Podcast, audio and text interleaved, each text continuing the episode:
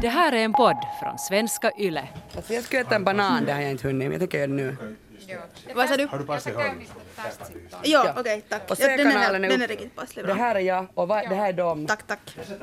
Ja, Så jag stänger, får jag vara hit i min heliga ensamhet? ja, så stänger jag av, stänger av. Stänger av. Ja.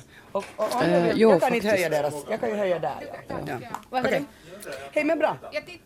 Helt säkert. Ja. Jag rör ingenting så jag tror nog att tekniken hålls.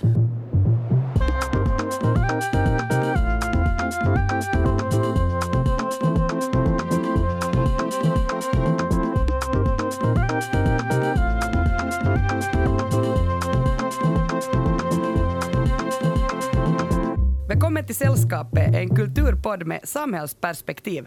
Sällskapet består av mig, Kia Svetin, och den här gången så sällskapar jag med Ellen Strömberg och Biffen Ahonen. Välkomna. Hej! Hej, hej, tack! Alltså jag måste säga att det låter så här som att vi på riktigt inte skulle se varandra, för vi ser inte varandra. No, jag är jätteledsen över det. Jag hade verkligen sett fram emot att någon gång träffa Ellen för att du är så jävla cool. Men Ja, men jag har lite samma. Men på samma gång så blir jag ganska lite så lätt apatisk om jag är för nervös. Och jag tror jag skulle vara för nervös om jag skulle träffa dig. Så Det det, är här är helt kanske sant. en bra första sån här. jag är helt samma. Vi skulle bara sitta där och darra och svettas Ja. och få inga ord ut ur oss för att vi fanittar varandra så mycket. För att nu det är vackert. Det, det här gör klart så Ellen Strömberg befinner sig i Jakobstad och, och det där Biffen Ahonen befinner sig i Borgo och jag befinner mig i Helsingfors. Vi har alltså väl någonting som kallas coronaavstånd.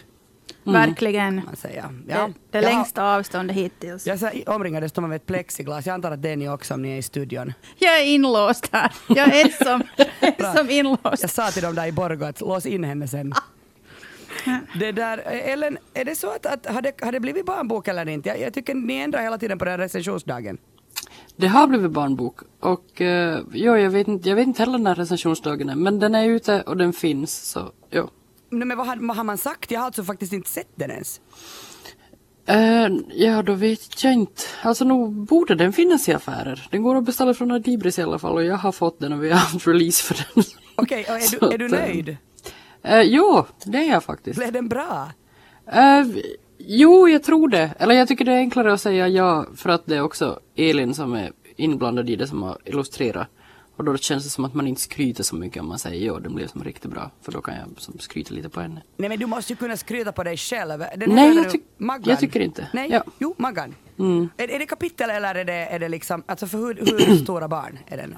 Alltså det är med bilder på varje uppslag men det är liksom ganska mycket mer text än en bilderbok. Det är liksom för de som har börjat läsa själva och vill ha lite mer, lite mer text. Eller för högläsning. Jag skulle just säga, äh, det här är säkert nu jätteintressant för, för det där alla, men när jag som då läser mycket för en femåring, så jag tycker ju om att det är lite mer text och att det är Mm. Ja. underhållande, alltså för mig. Jag, jag tänker ju bara på mig själv. Ja men jag vet inte vad du tycker är underhållande men, men du kan ju prova att läsa Maggan. jag vet nu, jag ska se. Nästa gång ska jag berätta. ja, gör det. Biffen, ehm, är det så att vi ska akta oss på vägarna snart? Jag har förstått att det är insim på gång för dig. Ja, jag har insyn imorgon. Hur det, tro, tror du du kommer klara det? Nej, alltså jag satt igenom teoriprovet på första gången och sen så messade min bilskollärare och jag på så att vad, jag kom igenom och sa va, på riktigt? Så, så this, this is the level. Va? Det är inte sant? Men alltså, jag tänker, är du mer teoretisk eller praktisk? Ingen där, jag, jag är ju dum som en stövel. Det, det är hemskt. Eh, Men jag tänker alltså också bara så att, att det teoriprov är ju teoretiskt och som det säger. man, ja, Det det där insyn är praktiskt. ja no, det, no, jag, no, jag, jag har inte ännu mördat någon. Men vet du, jag körde in i ett trafikmärke första dagen jag hade körkort när jag Åh. var 18 så att om du som klarar dig två dagar så då är du som redan Det- över mig. Tack, det där tröstar lite. Ja, ja. Men å andra sidan, jag kommer att köra det där kortet Lovisa och där är inte några människor, så det är helt okej. Hör du, är det inte så att Lovisa är staden där det finns, nu får du rätta mig, eh, varken trafikljus eller att man kan inte få parkeringsböter? Jag vet inte om parkeringsböter, men trafikljus finns det inte. Men alltså, det är ju, ska du köra in i en stad där det inte finns trafikljus? Men ja, jag har kört omkring i Borgå också och här är ett trafikljus. Du så vet skillnaden på rött och jag, grönt vet, jag vet vad ett trafikljus är. Okej, jag har ännu en till fråga, jag slutar sen. Att, alltså, idag så tänker jag sådär att, att man, vill man inte vara så grön och woke och inte ha körkort, medan då Biffen tänker skaffa körkort. Varför ska du ha körkort? No, för att jag bor i Borgå. Det var Och- väl Borgobussen? Nej, nej. Ja, men jag slipper inte med buss till Lovisa för att det går så dåligt med bussar. Så då måste jag, sen när jag gnällde till Lovisa, jag har, jag har gnällt om det här på Östis Facebookgrupp, att jag tycker att det här är en stor orättvisa att det går bussar så dåligt. Och då sa alla bara att ja, men flytta bort eller skaffa bil. Så Ja. jag gjorde båda. Jan Didrik Åkerblom, nej vad heter han som är... Jan D. Åkerblom. Ja. Hälsningar, Janne. Vad- vad skulle vi vilja då? gör något åt bussituationen. Fler bussar till Lovisa. Nå, Tror ni att han kan bussar. göra någonting så vi ska få bussar hit till Österbotten? Och för här går det knappt nå. Ja, det är det bussar åt alla. Ja, men jag förstår inte. Det skulle vara mer ekologiskt, folk skulle få jobb. Det, jag förstår inte. Det, det gör mig väldigt upprörd den här bussituationen. Välkomna till Trafikpodden, eller vad säger lokalradio. Ehm, Ellen, vad har du tänkt prata om idag? Jag har tänkt prata lite om TikTok och om uh, faran med, med låga byxor kanske. Uh, så low wa- waist, vad heter det? Ja, low rise pants. Alltså går man med sånt? Det är det vi ska ta reda på. Ah, idag, Kia. spännande. Okej, Biffen, vad ska du prata om? Um, jag ska prata om att varför vara på Tinder när man kan gifta sig med en sten. Aha, okej. Kanske jag får några tips på dejtkumpaner nu. Så det kommer jättebra tips, trust me. Ja, det låter så. Det där, jag ska prata om en person. Eh, jag pratade ju förra gången om Lance Armstrong, så tänkte jag ta en kvinna den här gången. Eh, hennes ansikte har pryté, skjortor, tatueringar, hon har blivit föremål för massa böcker, dokumentärer. Hennes träningsprogram på gymmet som så här 80-åring så gav åt henne nästan sån här mytisk status. Men eh, man ska nu komma ihåg att bakom det här kändisskapet så fanns det väldigt lång kamp för jämställdhet över decennier. Jag pratar ju förstås om The Notorious RBG, alltså Ruth Bader Ginsburg, som gick bort för en dryg vecka sedan. Jag har sett den här dokumentären RBG och jag tänkte, jag tänkte lite faktiskt fundera på henne som så här populärkulturell symbol. Uh, först och främst måste jag fråga er, är, är ni på TikTok? Nej, jag, jag är 41, jag är inte på TikTok. Okej. Jag har aldrig alltså ens faktiskt med skam i, i, i mitt hjärta så säger jag det här. Jag har aldrig ens gått in liksom på Men själva appen. Men, men jag, så, har de, kommit, de här TikTok-videorna har kommit emot mig i mitt flöde. Uh, jo, jo, alltså det är, ju, det är ju på TikTok som liksom internets bästa content ligger nu. Ni har ingen koll på varken memes eller någonting om inte ni är på TikTok och jag är helt seriös. Och jag får känna mig jätteung här nu för nu är jag liksom ganska van TikTokare. Jag gör ju alltså inte videor själv utan jag bara tittar på andras. Är det inte helt bra att du inte gör videon själv eftersom, alltså jag säger nu inte att du får skämmas för det men Nej men jag tror att du har en poäng. Alltså jag är ju en ganska sån här shitposter på Instagram och lägger upp ganska mycket hela tiden. Men det känns som att det är så här jättehög tröskel till att stå liksom så här och mima till något ljud på TikTok. Och inte för att jag inte tycker att liksom folk ska få göra det om de vill det. Men jag känner inte att jag har liksom personligheten som klarar det. Nej, det, är ju, det är ju så att man måste liksom stiga upp från soffan och, och göra saker, så då blir det genast liksom jobbigt. Så, Ja, och sen är det liksom så här, jag vet inte, man måste väl ha någon, något slags drag av teaterapa och jag gillar ju inte teater så mycket. med, medhåll, medhåll. Alltså jag kan titta på teater så länge det inte är interaktivt men jag tycker, ja, nej. jag, jag förstår men alltså, eh, eh, är, det, är det liksom, jag tänker det är ju ändå så populärt, så alltså man måste kanske inte vara bra. Nej, nej, nej, alltså det finns ju som, alltså det finns ju eh, extrem bredd i det, både i kvalitet och i allt annat. Men jag måste säga, det jag tycker bäst om i TikTok är att det håller mig uppdaterad. Jag känner mig så ung när jag är där. Eller ibland känner jag mig jättegammal också när jag inte förstår någonting. och måste googla på Urban Dictionary, att vad är det här? Men, eh, men det är också så här, jag får ju som en inblick till en tonårsvärld som jag inte har liksom passerkort till längre och det är ganska Alltså det är ganska förtröstansrikt. Finns det ett sånt ord? Uh, det vet jag inte, men jag funderar ändå sådär att är du, är liksom, alltså, när du säger att, vi går miste om så mycket, alltså då jag, Mm. och, jag och, den otroligt utdaterade Biffen Ahonen, så, så, tack. så liksom, är det alltså att vi går miste om sådana här danser? Nej, alltså det är ju, de här danserna är ju som bara som en liten, liten del av det. Det är som att säga att, ni, att man skulle gå miste om, jag vet inte vad Instagrams version av det skulle vara, men det finns ju som, alltså just den här liksom, det finns jättemycket liksom så här politik, det finns jättemycket humor, alltså speciellt humor är ju TikTok fantastiskt för. Och eh, det är också så här, jag får så himla liksom mycket eh, vad ska jag säga, jag får liksom hopp om framtiden när jag ser de här unga Gen Zs ungdomarna idag, alltså det, det är liksom så smarta och det är som inte bara Greta Thunberg. De är allihopa liksom helt sådär.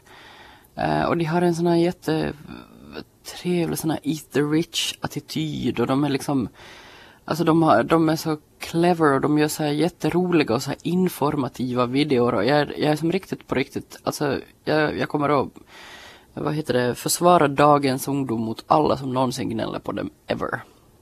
Det är jättefina.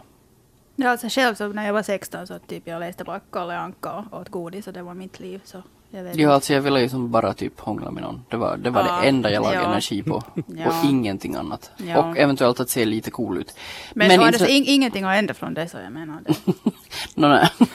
men, eh, men intressant det här för att när jag, det är lite det jag ska ta upp, det enda som jag har liksom blivit eh, riktigt orolig för när jag har sett på det här TikTok. Det är ju många som är sådär yttrar oro kring liksom Ja det är utseendefixering och allt det här men det har ju som funnits i två miljoner år före TikTok så jag tror inte att ja, TikTok gör nog varken från eller till där. Jag har noterat en ganska sån här oroväckande sak som jag skulle vilja ta upp för det känns att det är det enda jag kan liksom erbjuda de här jättekloka ungdomarna eh, som har allting på raden mycket mer än vad jag någonsin har haft. Alltså det är ju liksom någon slags erfarenhet kring vissa grejer. Och jag pratar ju förstås om den låga byxan, den låga byxlinningen. Miss 60, never forget. Nej, Miss 60, herregud vad jag hade många Mix- Miss 60 som Samma. jag aldrig kunde gå samma. med. Det har nog inte slagit igenom på bred massa ännu men det kommer ju liksom viskande. Vet ni den här scenen i Jurassic Park när den här vattenglaset liksom börjar skaka? Det är där vi är nu. Alltså vattenglaset skakar och de låga byxorna kommer snart liksom springande och ylande här. Ja, min tribaltatuering på svanken bara väntar. Jo, jo, alltså du kommer ju vara trendigast ever för att alltså det har ju, det ju, det har ju liksom pågått en stund även utanför TikTok. Alltså jag har följt ganska många sådana här, eh, vad heter det, konton på Instagram som är lite så här början av 2000-talet nostalgiska. Det har Eh, kommit. Ja. Eh, min favorit kommer jag förstås inte på vad det heter nu men jag kan fundera på det. Och det är mycket liksom sådana här Paris Hilton på festbilder och Flip flow phone. flip Har de Ja. inte lanserat en ny Samsung som är en flip phone? Va, har de? Oj. Ja, jag tror det. Som bananen. Nej, Ja. det är så snäcktelefonen. Den där som Ja. man liksom, sen om man är arg och så står man på gatan och sen så, så kommer, slänger man den fast jättesnabbt och sen så alla fattar att nu är det drama på gång. Eh, Du kan Exakt. aldrig få det där med en iPhone. Tror ni att uh, kjol på jeans kommer tillbaks? Alltså det, jo. I slutet av 90-talet, början av 2000-talet, man skulle ha liksom helt uh, Vakio jeans, helst Levis 555 för att de är lite sådär trumpet, uh, det här, uh, lite så flared. Och sen ovanpå det så skulle man ha en kjol som skulle vara av något ganska lätt material, ofta typ till exempel uh, lite grunga-inspirerat, någon nattlinne eller någonting och det skulle man då ha ovanpå jeans, så det var som jeans och kjol. Och jag älskar den looken. Jag I älskar- rocked that alltså, look. Ja, det, det där året har jag varit någon annanstans, men, men, för jag, det där kommer jag inte ihåg, men vits det låter snyggt. Ja, och sen skulle man ha tröjor och sen sådana liksom um, Steve Madden hade gjort sådana tofflor som man skulle ha till den Mm. här looken. Eller sen bara Addos gasellskor som all- alltid går med allt. Och, där, Mm. ja, och sen mycket smycken. Mina kompisar var att du ser ut som Mr T, du har så mycket smycken. smycken. Och så här, ni fattar ingenting, jag är Och inte bara smycken men också så här, typ så här långa smala scarf som man kunde så här, Ja, ja, ja, ja, ja, och flera, flera av Mm. dem. Du säger- Ja, men- ja. men var det och såna som- kravatter som bälte. Vad är det sådär batik att man har själv färgat de där skarferna hemma? Um, Eller är jag för tidig igen? Är jag på 90-talet? Ja, nu- det, var, är det- ja, det, var, det var lite dålig på det här. Typ såhär stickade read eller the room virkade. Kian. Sen när vi någon gång har den där festen så måste vi även komma sen klädda som våra Jo. 2003 alter Men alltså grejen var ju att jag var ju som redan där vid 2001, 2002 så var jag ju redan ganska tjock. Och det var ju inte som att jag hade liksom, jag kunde ju inte, jag hade ju låga byxor men jag kunde ju inte riktigt it off. Jag hade ju inte en Paris Hilton kropp. Och kommer ju det. förmodligen aldrig att ha. Och det är ju det att det här modet ser ju bara bra ut Det är ju det. På Paris Hilton. Alltså är helst det. kan man ju typ gå på en stadig diet av bara kokain och inte Det är så mycket det. annat. Och Nej. det är liksom, det tycker jag inte som så det låter, eller det är inte så hälsosamt tänker jag. Nej. och inte, inte så roligt i längden. Det, det var bra iakttagelse där. Ja. Men å andra sidan, jag, jag hoppas på att kanske tiderna har lite ändrats nu. För jag, jag, jag, jag, jag har också alltid varit chubby, så jag vet känslan. Och jag tycker att det var så svårt att hitta kläder om man var ens lite större då. Men nu är det ju ganska lätt. Så, Jo, jo. så kanske man kan lite ändra på det där. Att okej, att nu är det inte bara smala människor som får ha kiva kläder. Liksom. Att jag, jag, tyck, jag, jag har nog lite sådär att the fuck all. Jo men alltså, jag vet, alltså min kropp, alltså oavsett Oavsett om jag skulle gå ner så har jag, alltså om jag skulle vara som, så smal som jag bara kan vara så har jag liksom höftben som börjar precis efter liksom Alltså jag har inte så här bondmorehöfter. Jag kan, alltså det, det finns inte någon plats för mig att ha ett par låga jeans. Jag måste få ha jeans som går upp så högt så att jag liksom kan så här, Ja nej det, alltså Men, jag, men jag de, var som, ju, de var ju inte bekväma. Det, och sen alltid när man satt sig ner så liksom syntes halva det Jo, och det är det jag vill säga, att det är det som kommer med den här trenden. Den här trenden man blir inte Paris Hilton Nej, om man anammar nej, det här modet, utan man blir någon som har sett alla klasskompisars röv. Ja, jag kommer ihåg, äh, det fanns en bar Soda på i, i, det här, i centrum av Helsingfors och det var så här jättestora fönster och alla, det var bänkar precis vid fönstren. När man gick där förbi så såg man bara, bara rumpor Jo, jo. som var liksom fastkladdade där i fönstret folk fattar ju inte liksom att hej, att vi ser allt. Nej, och det är liksom, och det är verkligen, och inte bara det, men också, alltså den första känslan jag får när jag tänker på låga byxor eller byxor från min ungdom, så är liksom kyla och köld. För att det här liksom glappet som uppstår mellan en låg byxa och en kort jacka som man ska Oh. ha då. Alltså det glappet är fortfarande kallt, det värms aldrig mer upp efter mina kvällar på stan. Men, men äh, vänta lite, Ellen, du tänker ha något tips? Jag menar kan inte något tips vara att man har höga underbyxor? Alltså, ja. Modekia är igång. Men alltså det är intressant. Hip-hop slash low. Intressant att du säger det för att för några år sedan så var det faktiskt om vi ska liksom säga Det är ju inte bara på TikTok och på i streetmodet där den låga byxan är tillbaka. Det är också sådär Victoria Beckham har haft några låga byxor i sina kollektioner och också Och hon väger liksom 30 kilo. Hatar, Jo, jo. Och, men det var faktiskt ganska snyggt på henne för hon hade som en sån här ganska lång vit skjorta instoppad så det var liksom ingen röv som syntes någonstans. Och jag, jag läst på lite om historia, alltså den låga byxans historia eh, för det här. Och det, alltså det finns ju liksom sådär fashion icons från typ 70-talet som gör det ganska snyggt. Men de är också liksom alltså såhär drogsmala och jag orkar inte med det här drogsmala ehm, Alltså jag tycker inte att det är liksom någonting eftersträvansvärt. Kan man, vet du, jag kom på det. Man tar Nå. den där, den där finlandssvenska äh, tröjan som man annars har hänger sådär över, över axlarna och så, så sätter man den runt midjan. Och då är det lätt att gå på vässan också. Nå jo. Nej men också, också alltså kommer ni ihåg för att med lågbyxor kommer också ganska långa byxben. Och, De var alltid smutsiga. ja och har ni någon gång, alltså jag menar vi har ju vinterhalvår här längre än ett halvår. Och kommer ni ihåg den här Alltså när det liksom blev så här sorra och is Åh. och, alltså längst ner på ens Ja. byxben. Och så, Och så blev- gick, de lite, ja, så gick de lite sönder så man hade såna här liksom isklumpar som Ja. hängde i jeansslamsor efter sig. Det, alltså det, det, det, alltså jag, jag får som panik av att det här ska komma tillbaka. Och därför jag vet inte riktigt vad vi ska göra. Jag hade jag inte tänkt på det på flera år. Nej, men det är som, alltså det här är vad vi liksom går emot. Och det, alltså, och jag vet inte om det är bara nu jag måste liksom hoppa av tåget och vara sådär, nej men tack, nu har jag som anamma alla retrotrender som kommer tillbaka. Men nu är jag så pass gammal så nu kan jag köpa mina jeans på Prisma och liksom vara nöjd med det och inte bry mig om och så här liksom alltid lägga bekvämlighet framför trendighet. Men eller om vi bara gemensamt på något sätt ska försöka liksom få till stånd att det här Alltså- tåget som är på väg ner rakt i avgrunden ska kunna liksom fa- ta en annan väg. Jag tror, vill någon ha tillbaka det här? Förutom kanske 17-åringar som inte har upplevt det här Nej, tidigare. absolut inte. Alltså, personligen har jag as we speak på mig ett par härliga stretchpants som jag har köpt för 11 euro från Tokmanni. Shoutout Tokmanni. Eh, så alltså, bekväma kläder for life. Det, det. Och det där med låga, va, va, varför använder vi låga jeans? Därför att vi skulle vara sexiga så att pojkarna skulle tycka om oss. Fuck that shit säger Men jag. vet ja. du vad, alltså, det här låg, alltså den låga byxtrenden som var när vi var unga, så det var ju, alltså det startade med Alexander McQueen när han, han, eh, han var ju en sån här punkdesigner som tyvärr dog alldeles för tidigt. Och en av hans första kollektioner innehöll en byxa som hette Bumster, som var Ah. liksom så lågt skuren så att det liksom uppstod liksom ett dekolletage där bak typ.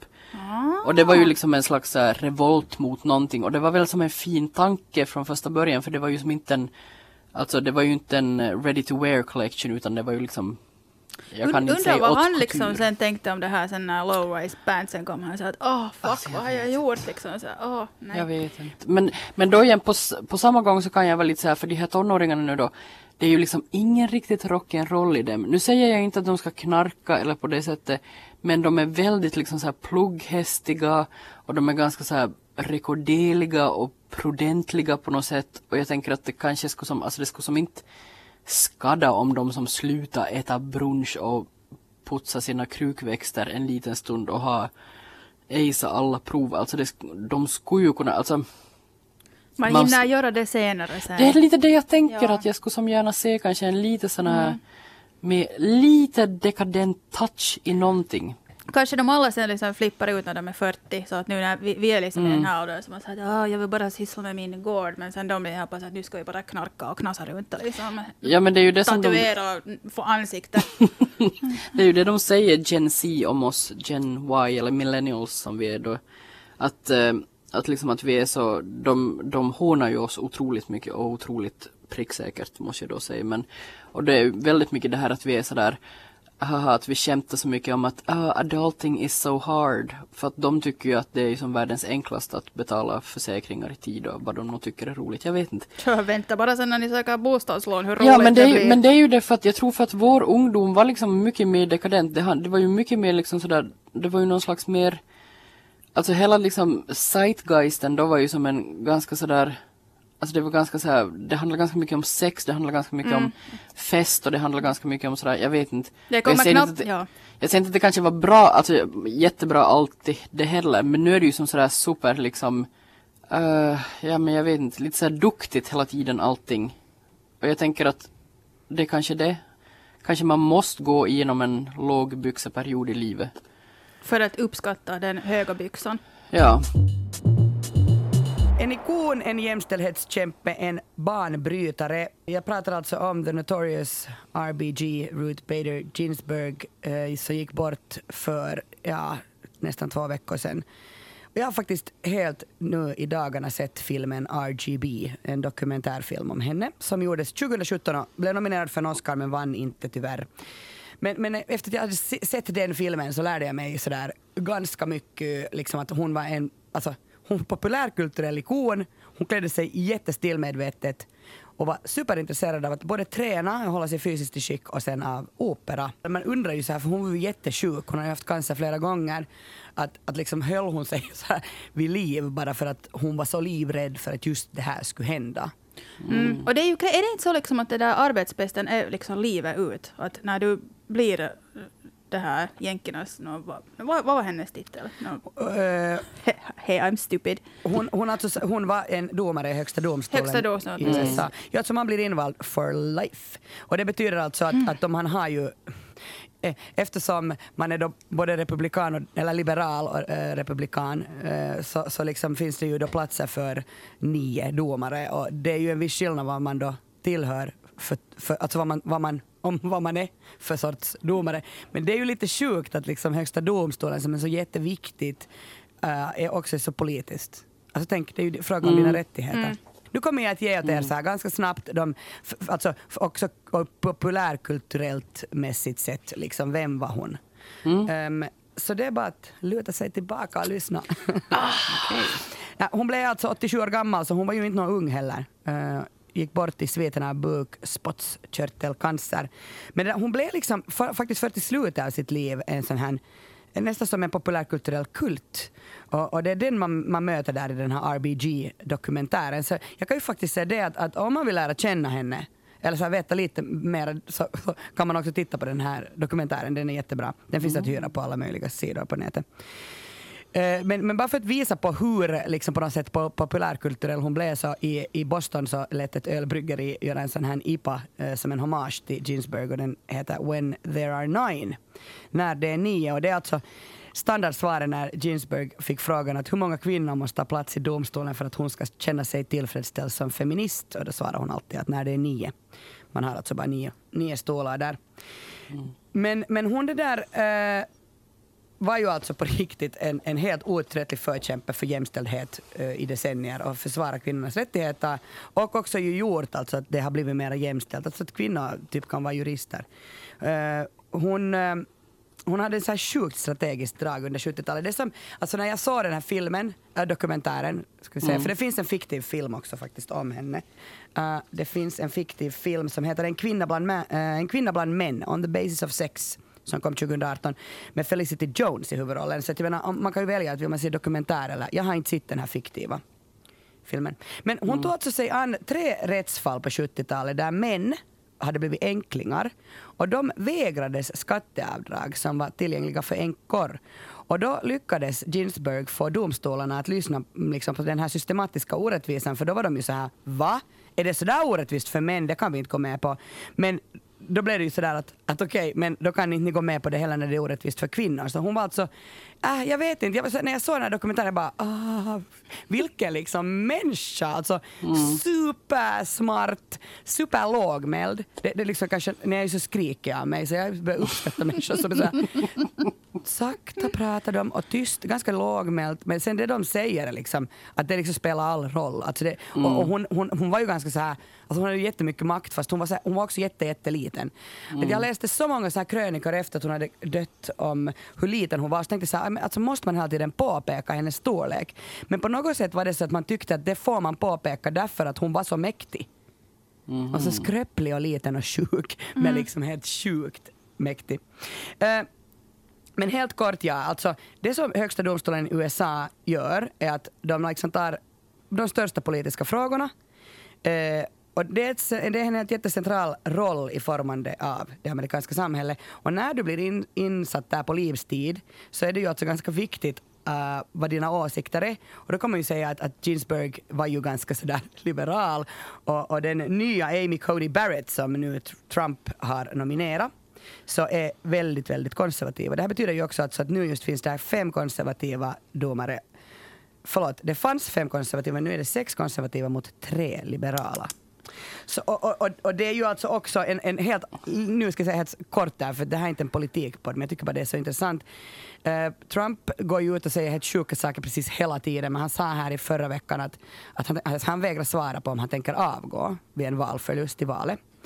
Som ju Va? alltså- Ja, som ju alltså är i november, så det är ju helt snart. Eh, och, och det där, då, då, då har man räknat ut att så det är helt enkel matematik det här. Biden leder i jättemånga swing states, vilket gör att eh, det, som, det är de mest avgörande delstaterna som han leder i.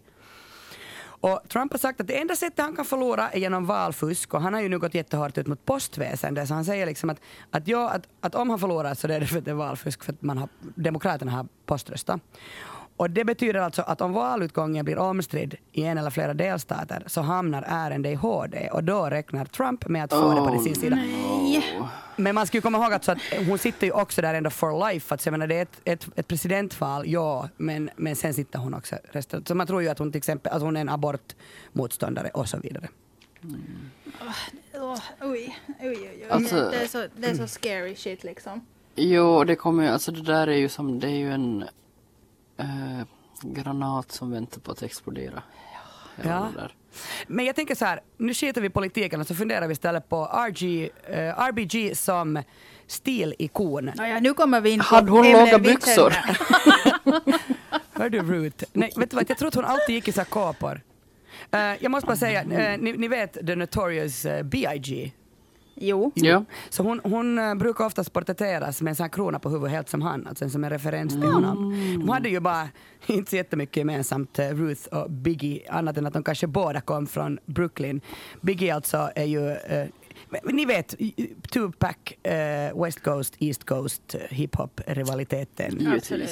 Skjuter varandra, ja. Och sen Puff Daddy gjorde en härlig sång åt honom. Oj, Mm. oj, vad fint. Men den här, eh, eh, det att man liksom kallar henne, alltså man ville ge kanske mera street cred till henne som domare. Jag menar hon har inte så mycket annat att göra med, med eh, Notorious B.I.G.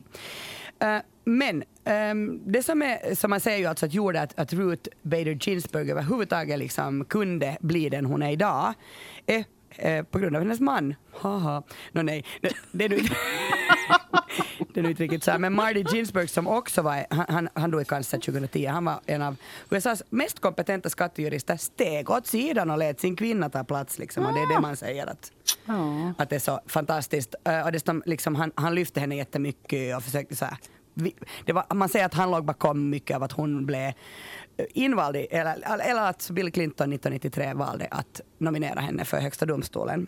Det var liksom mycket för att Marty Ginsburg hade fört någon sån här kampanj för henne. Fast i och för sig, nu tar jag tillbaka mitt ja, för att jag menar han gör, gjorde väl bara vad egentligen typ alla manliga politikers fruar har gjort i hundra år. Så jag tar tillbaka det. Ja, så han var så här first husband, alltså gå omkring och liksom, eh, ja, alltså nätverkar med andra politiker och journalister. Men det är roligt att, att också att, att den här, deras, de har en dotter och en son och deras dotter hade, hade sagt liksom, när hon var liten att pappa står för matlagningen och mamma för tänkande. Det är ändå ganska, ganska liksom, mycket med tanke på att det är en tid sen.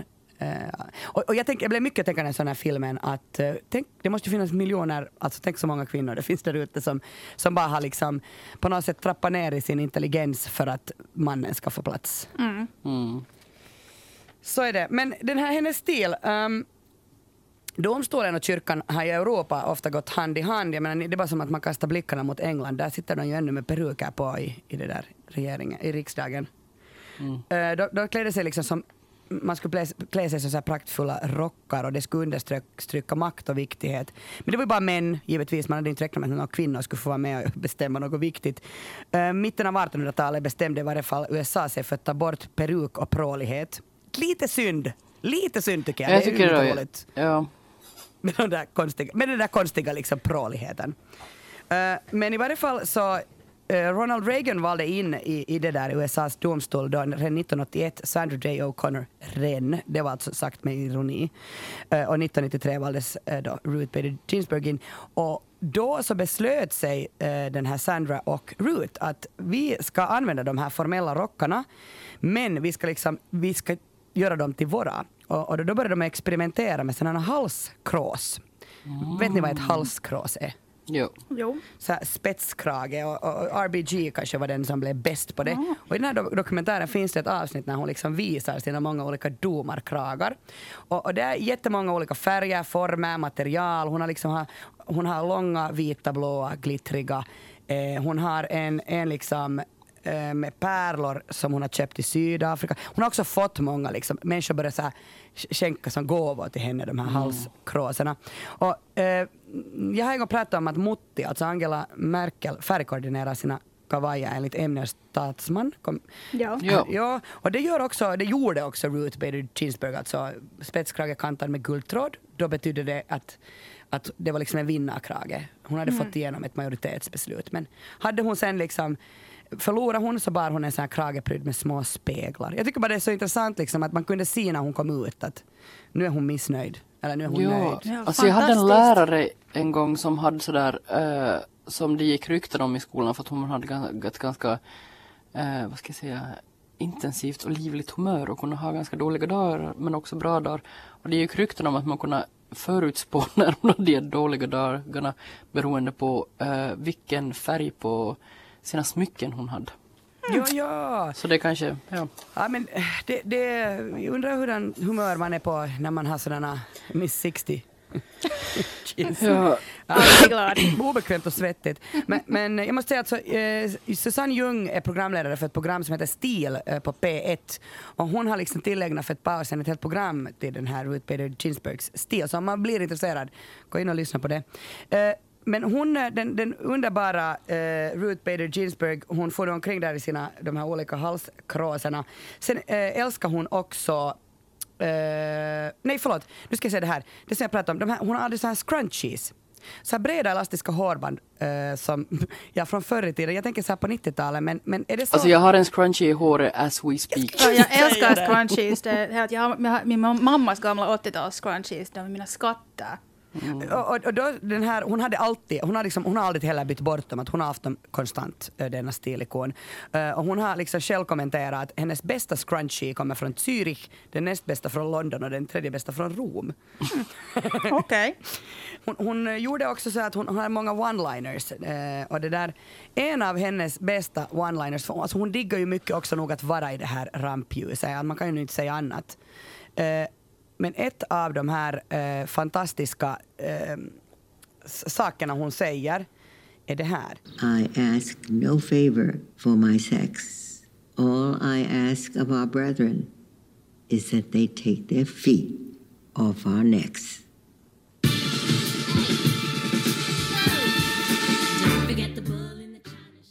Det här var alltså eh, när hon säger det här jätte, jättekända citatet. Jag ber inte om några fördelar på grund av kön. Allt jag ber om att våra bröder lyfter sina fötter från våra nackar. Det är alltså Sarah Grimk som 1792 ville bli jurist, men det gick inte. Och det var hon som sa det. Och det här liksom har då Ruth Bader Ginsburg fört vidare. Den här underbara kvinnan älskar också opera. Hon ville egentligen bli operasångerska men, men det där, hon kunde inte sjunga tillräckligt bra. Kommer ni ihåg en sån här annan domare som hette Antonin Scalia? Han, han dog under, mm, han dog under, under liksom Obamas eh, period och, och det blev faktiskt en liten kina där för att Obama ville då utnämna en ny domare men, men det fick han inte. Um, men För att det var så nära till valet, visst Jo, det? för att då sa de så här, men det går inte. Men sen var det helt annat nu när, nu när det är Trumps tur. Då. Mm. Uh, no, men, men det där, man gjorde, alltså hon, Ant, Antonin Scalia och Ginsburg var jättebra vänner. De brukar gå på opera tillsammans och alltid när, när Ginsburg kom in på operan så här, br- brukar folk ställa sig upp och applådera. Hon älskar faktiskt det. Och man har också gjort en, en opera om henne som heter Ginsburg. Men, men den är alltså en komisk opera från 2015 av Derek Wang. Mm, men den, den behandlar alltså förhållandet mellan Scalia och Ginsburg. Nåja, men hörni, mm, sen dog hon då, denna kvinna, och Betsy West och Julie Cohen som har regisserat den där dokumentären RBG, så de då säger ändå liksom att, att det, det, det, hon, må, hon må ha suttit i USAs högsta domstol som domare på livstid, men hon skulle ha skrivit historia ändå genom sitt arbete för jämlikheten, även om hon inte hade tagit plats i högsta domstolen. Och jag tycker att, att det kan man ändå äh, alltid tänka på, att, att hon var en sån kvinna som hon ville bara göra världen till en bättre plats, liksom en mera, eller mera jämlik, mera rättvis plats kanske. Ja, nu får vi igen till lite lättsammare ämnen eftersom jag är inte så intellektuell. Um, mitt ämne är att ah, varför behöver man vara på Tinder när man kan gifta sig med en sten? Och det här eh, kom, jag, jag var någon månad sedan så hade vi middag med ett kompisgäng och jag råkade in i en diskussion med en, en manlig bekant och, och vi pratade liksom om relationer och så här, att jag var sådär att jag, att jag har nu helt slutat med att jag, jag tänker aldrig bli ihop med någon, men jag, jag bryr mig inte, att jag, jag letar inte efter kärlek och det, det är liksom helt whatever, I don't care. Jag är nöjd så som det är och han var bara såhär va? Att hur, hur kan du säga sådär? Att det där går ju inte, att det är ju liksom det är enda meningen med livet, att man har en relation. Och sen så att han hela kvällen och liksom hets-swipar på Tinder och höll på så nu, nu är det med henne, henne och han är helt liksom samma. Jag så att, herregud, lugna ner dig. Du, be, du behöver inte en flickvän för att vara lycklig. Att jag, jag tyckte lite synd om honom. Jag tycker också nu lite synd om Ja. den här människan. Alltså, Ja, och, och, men han tyckte synd om mig. Att han, han tyckte att jag är den världens mest ensamma, miserabla person. Och han, han kunde inte alls liksom förstå sen min, min point. Så då började jag fundera att det här är ju lite intressant att hur, hur människor då förhåller sig till det där. Men eh, jag tycker också sådär som singel, jag har varit singel väldigt, väldigt, väldigt länge. Eh, så man, och nu är jag ju över 40, så man får lite alltid så här feedback att folk tycker lite synd om en. Och, och så att, Åh, men stackars dig, ja, vet du, kanske. Vet du, att, så, sen bekanta skickar någon länkar, vet att här är någon 85-årig muja som har hittat någon i ålderdomshemmet och så att hej, att det finns nog ännu hopp att, att det, det, det, kanske, vet du, kanske det ännu lyckas för dig också. Men så ja, så det har nu, nu varit liksom on top of my mind att jag funderar mycket på det här. Och sen så kollade jag på en eh, Youtube-video med John Gray som har skrivit, kommer ni ihåg den här boken uh, Män är från Mars, kvinnor är från Venus? Ja. Ja. Det var början av 90-talet så det var så alla skulle köpa den. Den handlar om mäns och kvinnors olikheter. Och, och här har jag en liten disclaimer att jag ber om ursäkt att det här är en heterogen ämne, men jag pratar ju från min egen synvinkel. Alltså. Men att jag diskriminerar nu inte någon här. Men ifall någon blir ledsen att jag pratar om män och kvinnor. Eller vet du sådär. Men all, alla är bra. Um, Bra. Alla är bra. Alla är bra. Ja. Men, men, men, folk blir så vet du, arga så, så lätt nu för tiden, så man, man måste ju liksom säga sådär att folk inte tror att jag är helt fittig. Eller får veta att jag är helt hemsk. Klipp bort det där. Um, så anyways, um, han, han, han har då själv kommit fram till det här att hans bok inte är så hemskt aktuell mer. Män och kvinnor har liksom evolverat så att kvinnor har mindre estrogen och män har mindre testosteron. För att vi är inte så beroende av varandra, men att vi behöver liksom inte varandra så mycket. För att om jag är någonstans och ser en karl som säger att han är rik och, och jag bor här på gatan med mina 50 barn, så liksom mina alla estrogentason lyfter i skyarna och jag bara att ta mig. Men nu behöver man inte mer. Så vi har lite biologiskt också liksom blivit mer jämställda. Vilket jag tycker att är ganska sistigt. Och vad intressant, alltså vad beror det på då? Alltså är, det, är det just därför att, att eh, man inte mera... Det är östrogen och testosteron. Ja, men varför liksom, har det minskat? Varför har de minskat?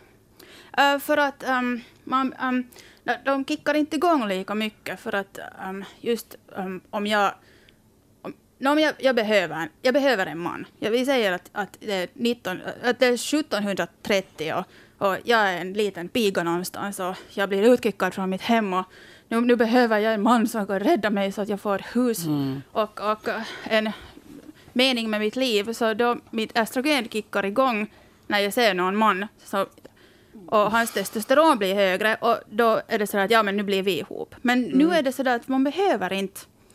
äh, Men alltså med, med den där teorin då så skulle man alltså om man skulle vara till exempel om man skulle vara så här jättefattig så skulle man ha högre est, vad, vad, alltså vad heter det, ha högre kvinnliga hormoner för att man behöver en man. jag tror inte att det här, det här med fattighet var ett dåligt exempel. Men, men Äh, kanske, kan- mera, men kanske mera det där med alltså att, eh, som, som om man tar kärnfamiljen alltså som uppstod på typ just det, 40-talet. just det. Så det är ju en, en nedmontering av kärnfamiljen har ju pågått sen liksom kvinnan klarar sig själv. Alltså man behöver ju inte... Nej, det är ju det. Hej, kan vi ta det där lite backa, backa för att jag tror att folk kommer att bli jättearga på mig för det där. Det där var jättedåligt exempel det där. Nej, nej, inte, nej för att det, jag förstår precis vart du är på väg. Alltså det, jag menar det är ju mer det att, att Jo, en jo, alltså- kvinna idag är liksom, kan, en kvinna kan jobba, försörja sig Jo, själv och ha exakt, ett barn. exakt, Eller, jag exakt. tänker så här, som, jag är ju nu ett exempel på det här för jag är ju ensam, ens, helt total ensamförsörjare.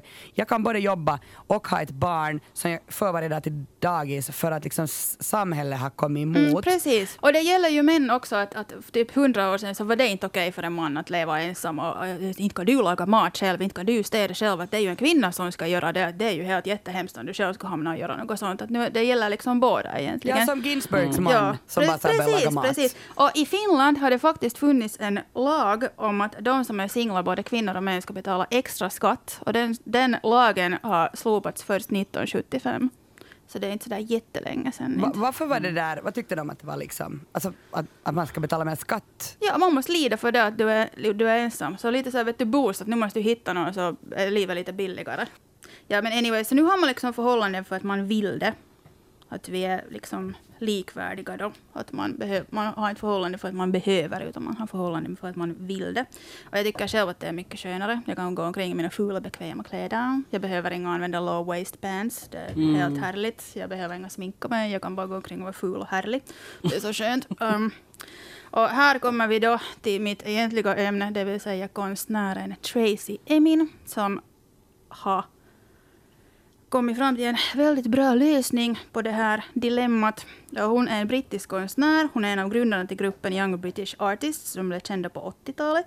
Till gruppen tillhör också bland annat Damien Hirst. Och hon är kanske mest känd för verket My Bed.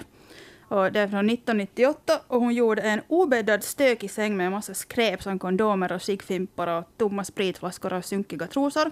Och folk blev jättesura och tyckte att det var äckligt. Men Charles Saatchi som är en av världens eh, mest kända konstsamlare så han köpte den här sängen, konstverket. Och nu är den permanent utställd på Tate i London.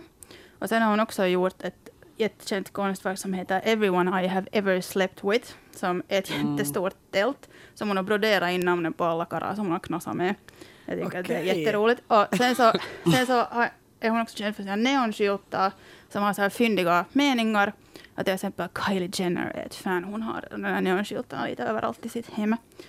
Så det är ganska lyxigt. Men 2015 är Tracy 50 och hon är singel. Ja, hon, hade, hon hemma hos sig i sitt hus. Och så hade hon hittat en ring och så hade hon liksom av någon anledning satt den på sitt ringfinger. Och sen så fick hon sån här premonition att "Åh, jag kommer aldrig att gifta mig. Why? Och, och sen så var hon sådär att, att okej, att, att ingen är kär i mig. Att vad ska jag göra? Att jag måste bara nu fort hitta någonting så jag kan gifta mig med. Liksom get it over with. Och, så, och så springer Tracy ut på gården och där är en jättestor sten. Hon har sagt okej, den där stenen kommer aldrig att lämna mig. Och sen så gifter hon sig med stenen. Och hon gjorde också ett konstverk av det här naturligtvis som heter Stone Love. Så hon har liksom foton från det här bröllopet då som hon ställde ut och grejs i Moisinga. Och det här gillar jag helt sjukt mycket. Hennes argument är att bara för att det inte finns ett uns besvarad kärlek i mitt liv betyder det inte att jag måste sluta älska. Det mesta av min kärlek är ändå projicering. Och det är helt okej. Jag tänker inte kompromissa och jag har det bra själv. Det är, helt, det är liksom helt genius. Men alltså, det finns ju, man kan ju gifta sig med sig själv. Ja, exakt. exakt. Eller med Eiffeltornet. Vet, Det finns ju en kvinna som är gift med Alltså jag vet, det är helt sjukt. Det, det är liksom, that's taking it too Kan far. inte gifta dig med Borgå, Borgå domkyrka? Nej, alltså den är för stor. Jag är det sånt där, typ någon roskis på vår gård eller någonting. Det- Och Regina Lund, en svensk skådespelare, så hon tror jag också är ihop med en björk. Ja, ja, ser du, det här är liksom det, det, det, emancipation. Men ja, så jag tycker att det här är liksom jätteroligt. Kan jag och Ellen få det poltare? Åh gud, alltså verkligen, verkligen. Ja, alltså, jag med, genast när jag hittar en passlig roskis så berättar jag att vart den är och sen så kan vi ha liksom helt så här sjuk poltare och alla måste ha low-rise pants på sig och cross uh, Jo. sådana grejer. Hörni, fast eh, jag skulle kunna sitta och prata med er timme ut och timme in så eh, börjar vi att avrunda. Men alltid innan vi avrundar i podden Sällskapet så vill jag veta vad ni inte kan släppa den här veckan i kulturväg. Först ut, Ellen. Men jag tänkte tipsa om en av mina favorit eh, humormänniskor på TikTok. Eh, just för att jag är ju in på TikTok nu då och hon heter Caitlin Riley. Och på TikTok heter hon It's Caitlin Hello. Men hon finns också på Instagram för you boomers som inte har TikTok. Och där heter hon eh, Hi Caitlin tror jag. Vänt lite, jag ska se nu. Jag hade henne just här. Hi Caitlin Riley heter hon på Instagram. Och hon är jätterolig. Hon gör sådana små sketcher. Och hon är, hon är helt uh, ljuvligt rolig. Henne ska man absolut följa. Okej. Vad kan du, Biffen, inte släppa denna vecka? Mitt kulturtips är filmen Enola Holmes som just har kommit med Millie Bobby Brown i huvudrollen. Och hon spelar alltså Sherlock Holmes lillasyster Enola. Och den, den, den är så mysig den där filmen. Den är så brittisk, härlig, mysig, mysig film. Uh, och pekulär fakt är ju det att i Arthur Conan Doyles, de här original Sherlock Holmes-böcker, så nämns ingen lillasyster. Den här filmen baserar sig på böcker som är, är, är gjorda av Nancy Springer, skrivna av Nancy Springer. Och nu har Sherlock Holmes arvingar då dragit den här filmen inför rätten. Därför för att de tycker att Sherlock Holmes visar för mycket emotion i den här filmen. Och det tycker de inte om. Så det är ju lite roligt. Det, det- gör, måste jag säga onekligen, den här filmen lite mer spännande. Mm. Det där, jag kommer att eh, ge boktips. Uh, Tone Schunnesson, känner ni till henne? Ja. Svensk författare kom med en bok som heter Tripprapporter 2016. Nu har hon kommit med en ny eh, som heter Dagarna, dagarna, dagarna. Den eh, kom för en vecka sedan ungefär. Eh, jag sträckläste den. Jag måste säga att, att det är många månader sedan jag läste en bok som bara, så här, bara kom till mig. Vet Så, som man bara vill läsa. Det enda jag ville var att läsa den. Så jag, jag, ska, jag tipsar faktiskt om Dagarna, dagarna, dagarna. Den finns på eh, vissa sådana ljudboksappar. Eh, men man kan ju också bara köpa boken. Eh, den handlar alltså i korthet om att eh, om Bibs, jag älskar Bibs.